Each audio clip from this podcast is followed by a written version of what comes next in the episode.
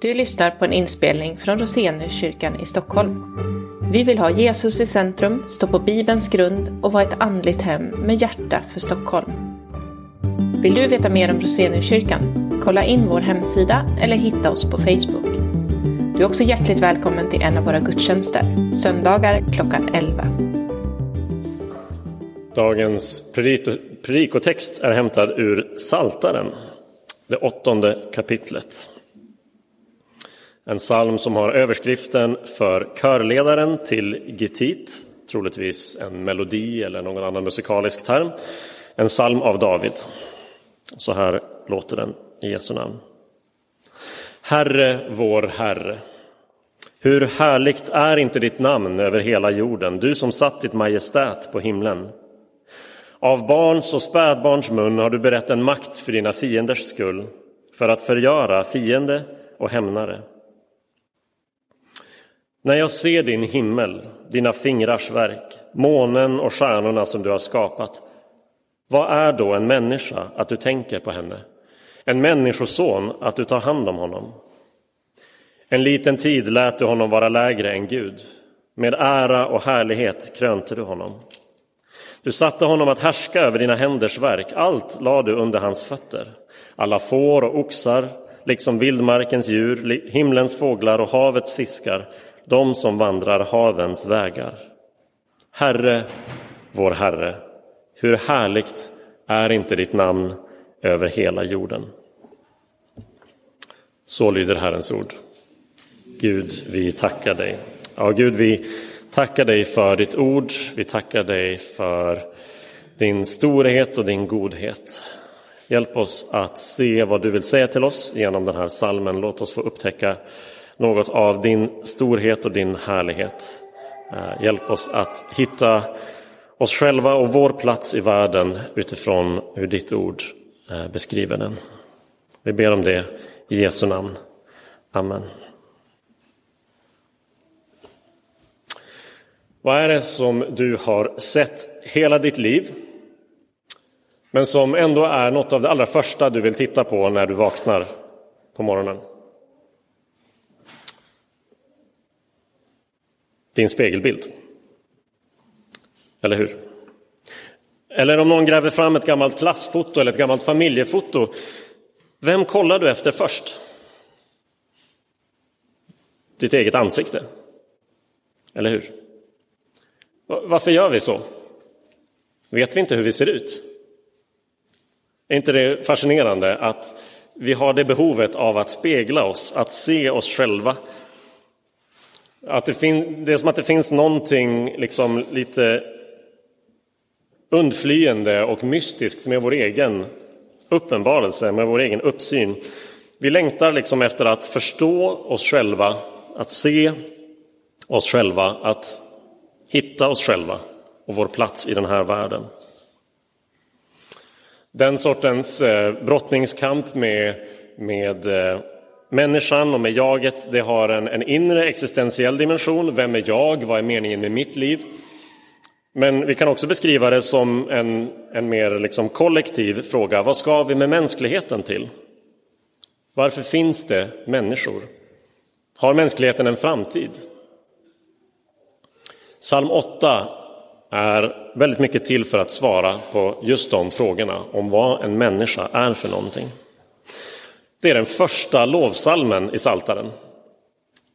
Först på plats nummer åtta kommer en riktig lovsång och den handlar mycket om människans plats. Och vi kan se hur både den här individuella dimensionen och den kollektiva dimensionen går igen i salmen. Vi, vi kan se hur David, som skrev salmen, frågar på det här ganska liksom, introspektiva sättet, alltså att han, han tittar eh, på sig själv vad är då en människa? Och samtidigt så vet vi att eh, alla psalmerna i Saltaren de är avsedda för gemensam sång. De är inte bara privata böner, de är skrivna för användning i en gudstjänst. Så det handlar också om hur eh, vi människor tillsammans formar vårt sätt att se på oss själva och vår plats i världen. Så den här salmen erbjuder för den som är kristen en påminnelse och en träning i att eh, fördjupa sin kristna människosyn och den erbjuder för den som inte är kristen en chans att se vad, hur skulle det vara att titta på världen och titta på mänskligheten med kristna glasögon. Eh, I jämförelse eller i kontrast till andra synsätt som finns runt omkring oss. Det är det vi ska undersöka när vi närmar oss den här salmen och tar oss an den lite grann bit för bit. Så om vi börjar med att titta på vers 2 och vers 3 så är det slående att i en psalm som utrymmesmässigt och liksom tematiskt framförallt handlar om vad är en människa så är ändå startpunkten Gud. Det är som en signal, en indikation på att vi hittar inte oss själva framförallt genom att gå in i oss själva utan genom att dras ut ur oss själva. Ett moget förhållningssätt till den här världen kräver ju att vi erkänner något väldigt grundläggande, nämligen att det här är inte min värld. Jag äger inte den här världen. Den fanns långt före mig. Den är mycket större än mig, mina behov, mina önskningar och drömmar. Jag, jag liksom föds in i ett sammanhang som är större än mig själv. Och ska jag hitta min plats i den här världen, ska jag hitta mig själv, så kan jag inte bara gå inåt och lyssna inåt. Jag måste faktiskt se mig omkring också. Och det David poängterar att vi ser när vi ser oss omkring, det är Guds fingeravtryck i hela skapelsen. Han börjar med, med det stora perspektivet.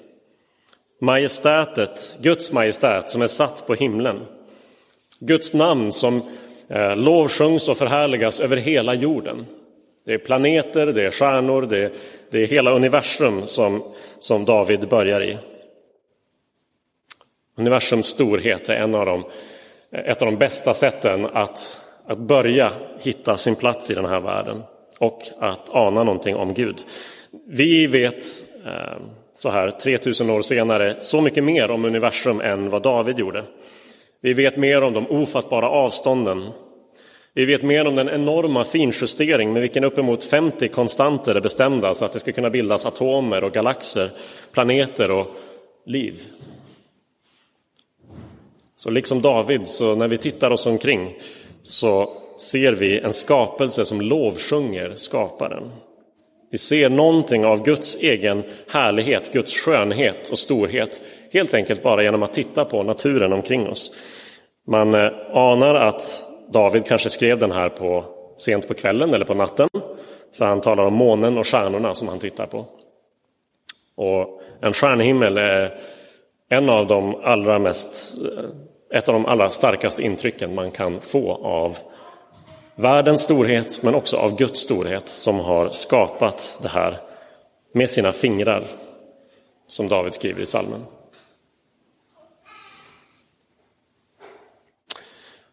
Sen händer något konstigt. Vers 3 är lite märklig och man kan se att den är lite kryptisk därför att olika översättningar gör lite olika vägval när man ska försöka göra den eh, till begriplig svenska. Helt klart är det ett stort perspektivskifte från månen, från stjärnor, från universum och jorden som lovsjunger Gud till barn och spädbarn. Som på något sätt beskrivs som en makt gentemot Guds fiender. Versen säger oss att även det minsta, det svagaste och det mest hjälplösa i hela universum, en nyfödd, också lovsjunger skaparen och dessutom gör det lika väl som det största och det mäktigaste. Lika mycket som solen, månen och stjärnorna. Till och med är barns skrik en så stark lovsång att den beskrivs som en makt som sätter en gräns för, sätter stopp för Guds fiender, för Guds hämnare. De som inte vill erkänna att det finns en Gud, att det finns en skapare, blir tysta när de hör ett litet nyfött barn.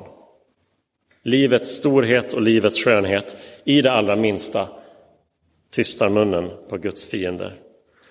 Ja, Gud talar till oss och visar sig för oss, inte bara i det stora och i det majestätiska, utan också i det lilla och i det svaga.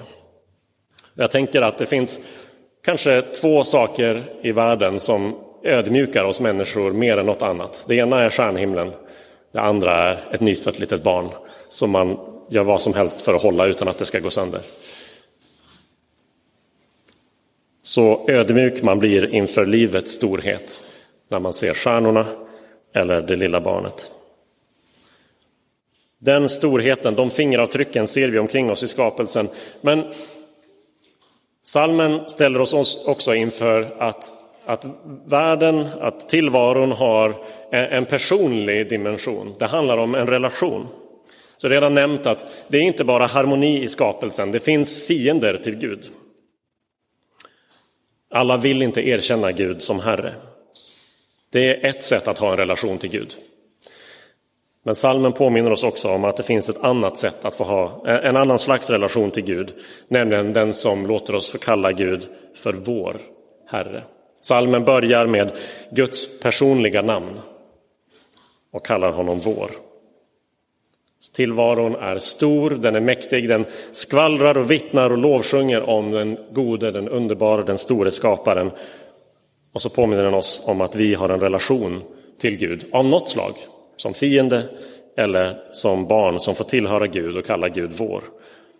Salmen börjar jakten på jaget nästan med en, slags kopernikansk revolution. Ni vet Kopernikus var den som eh, på riktigt etablerade att det är jorden som rör sig runt solen, inte solen som snurrar runt jorden. På många sätt så lever vi människor ofta som att universum kretsar kring mig. Jag utgår från min egen eh, horisont, mina egna drömmar och önskningar eh, och behandlar andra som liksom biroller i mitt liv. Men den här salmen säger, nej, ska du hitta din plats i världen så måste du vända på ditt perspektiv. Centrum i världen är inte du, det är Gud. Och Gud kan vara vår. Så den här salmen vill träna vår blick. Den vill uppmärksamma det vackra och det stora, det mäktiga i tillvaron. Och har du tid kvar eh, att under semestern se en soluppgång eller att se en sommarmåne, kan vara svårt att se stjärnorna men man kan, man kan få ha turen att göra det. Eller få se en, en underbart vacker regnfront dra in eller något annat mäktigt i naturen, så ta den chansen. Eller ta chansen att se och höra ett litet barn lovsjunga skaparen. Men om vi då börjar där att världen inte kretsar runt oss, det finns en Gud som världen kretsar runt, som är i centrum i tillvaron istället. Då ställs vi också inför ett problem i vårt inre. Frågan väcks, kan jag acceptera att inte vara i världens mitt? Den tyske filosofen Friedrich Nietzsche han skrev i en av sina böcker om det fanns en Gud, hur skulle jag kunna stå ut med att inte vara Gud? Alltså finns det ingen Gud.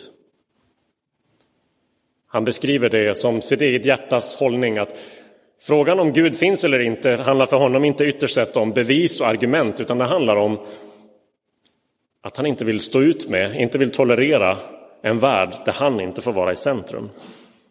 Han känner det som någon slags konkurrensförhållande. Om det finns en stor Gud, då, då blir människan någonting trivialt, någonting obetydligt, en, en passiv eh, kugge. Det är inte så den här salmen fortsätter.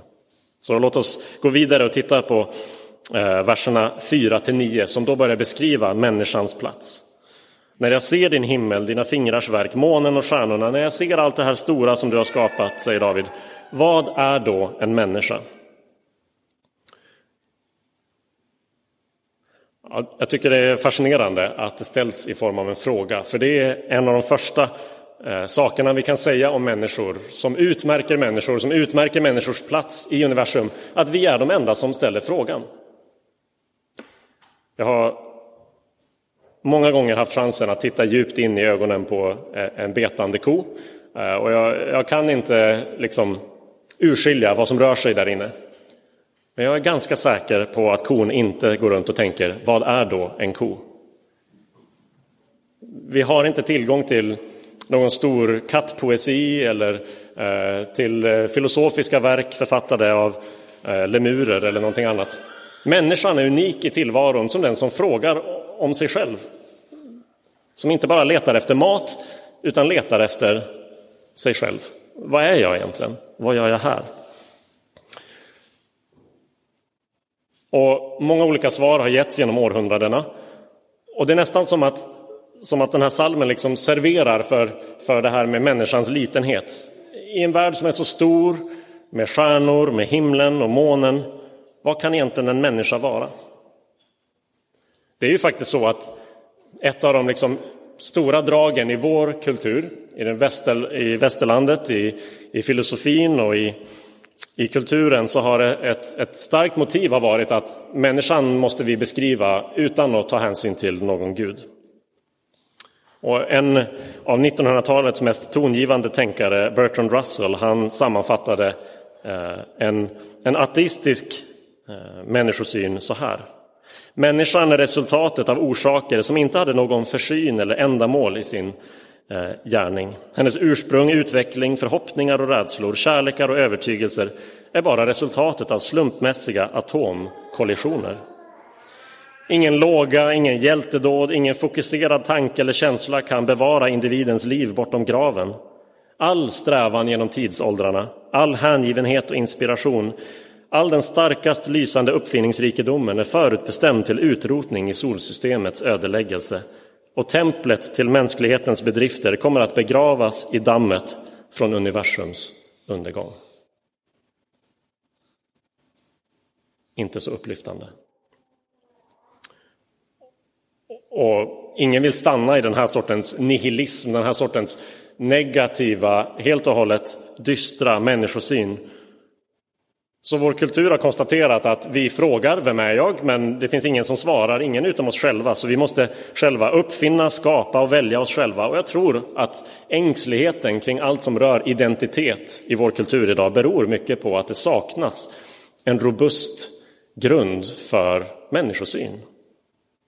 Jaget är inte förankrat i Gud. Då måste jag själv hitta andra vägar, antingen med min inre styrka eller genom att hitta medmänniskor som bekräftar och bejakar mig och alla mina val. Men inget av det kan grunda mitt värde så att jag har harmoni, så att jag har frid. Men Bibelns svar på frågan vad är då en människa är så radikalt annorlunda. Det finns ingen Inget spänningsförhållande mellan en stor Gud och en hög människosyn. En liten tid lät du honom vara lägre än Gud, med ära och härlighet krönte du honom. Här i vers 6 beskrivs människans status. Alltså att människan har en plats, eh, en status, en roll, ett värde helt och hållet innan människan har gjort någonting. Människan har inte bara en funktion Människan finns inte bara till för att göra, vi är inte mänskliga görelser, vi är mänskliga varelser. Vi får lov att bara vara och vi är inte Gud, men nästan. Det är ungefär vad vers 6 säger. Även den låter olika i några olika översättningar. Och det är fascinerande att människan får ordet härlighet. Samma ord som tillskrivs Gud i den andra versen. Med andra ord, vi liknar Gud. Vi har något som Gud har, härlighet, för vi är skapade, som Bibeln säger i sitt första kapitel, till Guds avbild. Gud är god, Gud är generös, det syns i hela hans skapelse hur generös Gud är och det syns i att Gud delar med sig av sin härlighet till oss människor. Vi lägger märke till att det beskrivs med kungliga ord, att vi människor har blivit krönta med härlighet. Och det är inte heller någon slump, för Bibelns skapelseberättelse presenterar människan som en viseregent på jorden. Den som fått ett viktigt uppdrag att regera i Guds ställe på jorden. Här finns precis det fundament och det förankring till en människosyn och en värdighet som vi behöver. Att alla människor, oavsett ålder, kön, hudfärg, hälsa, status eller andra attribut är skapade i Guds avbild med ett ofantligt värde och värdighet. I det centrala begreppet Guds avbild finns en sån, det finns en sån ankringspunkt, en sån balans. Å ena sidan är vi Guds avbild. Du kan inte likna något finare eller bättre än Gud själv. Å andra sidan är vi avbild. Vi är inte Gud. Så det skyddar oss både från självförakt, för jag är faktiskt Guds avbild, och det skyddar oss från stolthet och högmod. Jag är inte Gud, jag är bara en avbild. Människan ges en fantastisk status här. Men vers 7 påminner oss om att människan inte bara har en status utan också har en uppgift. Gud satte oss att härska, står det, över sina händers verk. Gud beskrivs som en hantverkare som har skapat något vackert och så har han lämnat över det, lånat ut det till oss. Gud har lånat ut sina kreatur, sina husdjur, oxar och får, fåglar och fiskar har han lånat ut till oss. Gud har delegerat makt och ansvar och inflytande. Härska, som står i vers 7, är ett ord som lätt kan missförstås. Och en del har försökt, eh, så att säga, eh, har försökt förknippa eller klistra fast vår, vår ekologiska kris just på den kristna synen på människan och skapelsen. Men ordet härska här handlar inte om något brutalt eller hänsynslöst. Det hebreiska ordet används ofta om Gud och Guds sätt att styra världen. Det Gud gav oss i uppgift att göra var att råda över världen på ett sätt som liknar Guds sätt att råda över världen och som ger ära åt Gud och som erkänner att det är inte vår värld utan Guds. Och ordet satta beskriver ju att det här är inte en, en uppgift som vi har stigit till själva, utan vi har fått den av en högre auktoritet inför vilken vi är ansvariga för det sätt som vi har härskat över den här världen på. Vi är inte ägare, vi är förvaltare av den här världen. Jag minns när jag var liten hur jobbigt jag tyckte det var att låna ut saker. Eh, jag minns att, och det är lite pinsamt, men jag minns att jag till och med ibland kunde ljuga om att saker var trasiga och behövde lagas, så jag kunde inte låna ut dem just nu, kanske, kanske en annan gång. Inte för att de var trasiga, utan för att jag var rädd att de skulle bli det. För att jag inte litade på andras förmåga att ta hand om sånt som jag värdesatte. Gud har visat en sån enorm generositet i att säga, här är min skapelse, ta hand om den. Den här salmen prisar Gud för det. Ur ett skapelseperspektiv så måste vi säga att ja, världen är fantastisk och tänk vilket, vilken plats vi människor har fått i den. Och samtidigt, när vi ser oss omkring, så ser vi inte bara världen som skapad utan också världen som fallen. Och vi ser det när vi ser oss omkring på människor, hur människans status är ifrågasatt och skadas man kan nästan säga att överallt och på många sätt så berövas människor sin värdighet, sin ära, sin härlighet, den som Gud har gett dem. I krig, i rasism, i övergrepp, i glåpord, i mobbning. Allt det gör våld på, tar ifrån den värdighet som Gud har gett varje människa. Allt för ofta värderas inte människor för sin egen skull utan bara som medel. Vi ser det inte minst i livets början och livets slut så är det påtagligt att den som inte är önskad eller inte kan bidra längre, ja, riskerar att stötas bort. Och synden rubbar den här balansen som Guds avbild rymmer åt båda hållen. Synden lovar oss att vi ska kunna slippa begränsningarna, att vi ska kunna bli som Gud, vi ska stiga till något ännu högre. Och samtidigt så lämnar synden oss alltid under mänsklig värdighet. Ta eh, exemplet med en drog. Den lockar med att övervinna mänskliga begränsningar, hur mycket man orkar, hur, mycket, hur snabbt man kan tänka, hur länge man klarar sig utan sömn. Men vi vet vad missbruk gör. Det bryter ner handlingsförmåga, självständighet och värdighet i jakten på nästa kick. Eller titta på samhällen där vi ser maktmissbruk, så ser vi samma obalans, inte i en persons liv, utan i samhället, hur, hur människor och härskare höjs upp, men bara på bekostnad av andras förnedring. Överallt i världen är Guds avbild hotad på det här sättet. Och inte bara vår status är skadad, även vår kallelse. Vi måste erkänna när vi tittar ut över världen att vi har inte förvaltat Guds skapelse som vi borde. Jorden har feber. Många ekosystem verkar vara nära bristningsgränsen och forskare säger gång på gång att vi lär få vänta oss svårare och mer extremt väder därför att temperaturen har blivit höjd genom människans påverkan. Så mycket så att vissa människor säger nej, ska det finnas något hopp för den här planeten så måste vi sluta föda barn. Jag följer inte med dem dit. Men vi behöver ta på allvar att vi har inte förvaltat Guds skapelse som vi borde. Så den här texten än så länge skickar frågor till oss. På vilka sätt eh, behöver jag träna min blick att se mig själv som Guds avbild? Tenderar jag till självförakt och glömma bort att jag är Guds avbild? Eller tenderar jag till stolthet och högmod så att jag tänker att jag är som, som en gud på egen hand? Ja, förmodligen båda i olika situationer på olika sätt. Och på vilka sätt har jag misskött mitt uppdrag att förvalta det Gud har gett mig och Guds skapelse?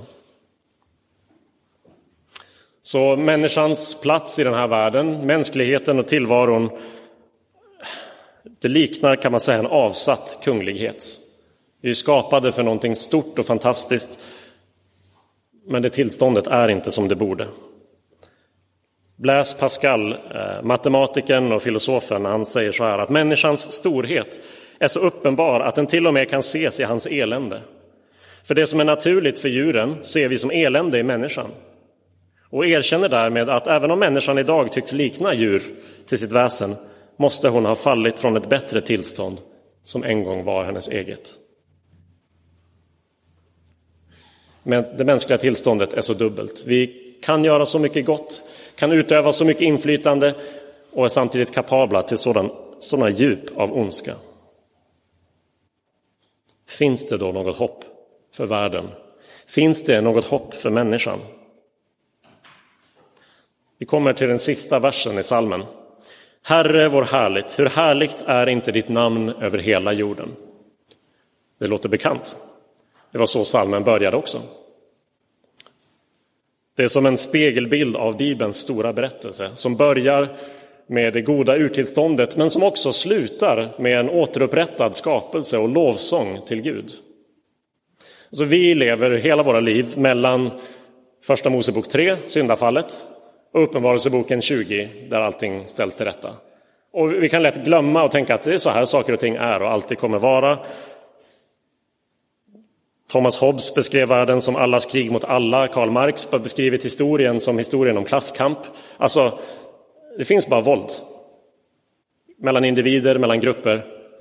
Men det är inte Bibelns världsbild. Det finns något i världens början och något i världens slut att förankra hopp och kärlek och godhet i.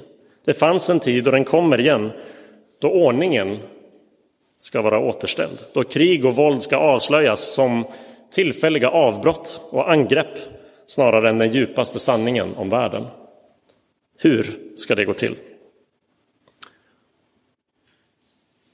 Det är till Jesus vi ska vända blicken för att kunna ha något hopp om mänskligheten och världen.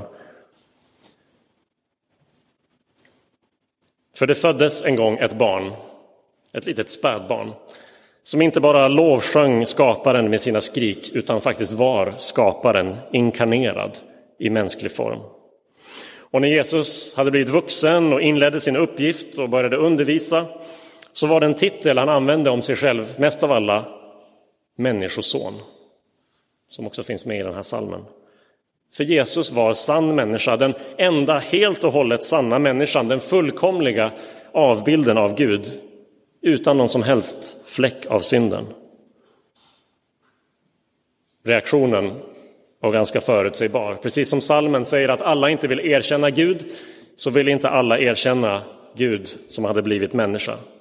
Precis som Gud alltid har fiender och hämnare så visade det sig, särskilt i Jesu liv, när han som Guds son gav människor liv och värdighet, när han som Gud förlät människor deras synder, så formades motståndet mot Gud till en sån beslutsamhet att man sa vi måste döda honom. Vi måste avsätta honom som de borde ha krönt till Messias och kung över mänskligheten. På väg in i Jerusalem, på väg till sitt kors, så citerar Jesus den här salmen. Det står att barn ropar till honom i templet, Hosianna, Davids son. Hans fiender säger Jesus, nu får du faktiskt säga åt dem att sluta. Men Jesus säger, har ni inte läst? Av barns och spädbarns mun har du berett en lovsång. Jesus säger, de lovsjunger mig, de gör rätt, de lovsjunger Gud. Den här människosonen är Guds egen son som har kommit för att ställa allt till rätta. Han blev svag, ett hjälplöst barn, en slagen och korsfäst konung. Så kommenterar Hebreerbrevet hela Jesu liv och historien om Jesus med just några verser ur den här salmen. Vad är då en människa att du tänker på henne, eller en människoson att du tar hand om honom? En liten tid lät du honom vara lägre än änglarna. Med härlighet och ära krönte du honom. Allt lade du under hans fötter. När han la allt under honom utelämnade han inget, allt skulle vara lagt under honom. Än ser vi inte att allt är lagt under honom, men vi ser Jesus, som en liten tid var lägre än änglarna, nu krönt med härlighet och ära, därför att han led döden. Genom Guds nåd skulle han smaka döden i alla ställe. Och det här är det fantastiska. Att den här salmen handlar om Jesus betyder inte att den slutar handla om oss. Utan det betyder att det tack vare Jesus finns hopp för hela mänskligheten. Genom sitt liv och sin död och sin uppståndelse så har Gud fullgjort människans uppgift och återupprättat vår status. En dag så ska Guds namn igen över hela jorden förhärligas och lovsjungas och de som tillhör Jesus kommer då få se mänskligheten i sin storhet och sin skönhet och hela skapelsen renoverad och återställd. Det finns verkligen hopp. Inte bara för människan, inte bara för planeten, inte i något slags motsatsförhållande till varandra. Det finns hopp för mänskligheten och för skapelsen därför att en människoson, Jesus Kristus, har kommit för att ställa allt till rätta. Så när vi ser syndens förödande inverkan i världen, vi kan titta på, på krig som pågår just nu. Vi kanske ser människor i vår omvärld, individer som lider. Eller vi ser djur och natur som far illa och skadas. När vi ser vår egen bräcklighet som människa, när vi ser vår egen delaktighet i det onda, det som bryter ner och avviker från Guds vilja, så får vi komma till Jesus, bekänna vår synd, vår delaktighet i det här och ta emot hans förlåtelse. Och med Jesus i vårt hjärta och med Jesus i vår sida så kan vi räta på ryggen, för vi är skapade till Guds avbild. Vi har en riktig uppgift att sköta i den här världen. Så låt oss inte slösa bort våra liv eller vår värld, utan förvalta dem som goda gåvor från en underbart god Gud. Vi ber.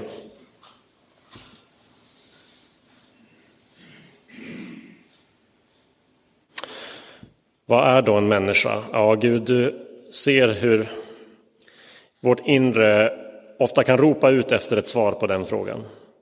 Vi är främlingar för oss själva. Vi vet inte vilka vi är eller vad våra liv är till för, var vi har hemma i den här världen.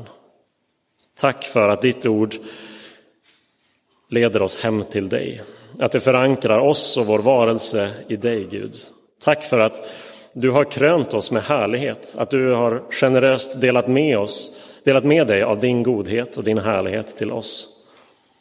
Och gett oss en, en värdighet, en skönhet, en storhet som gåva av nåd. Gud, hjälp oss att vara förankrade och trygga och tillfreds med att vara skapade till din avbild. Förlåt oss för alla gånger vi försöker strunta i avbild och själva vara Gud.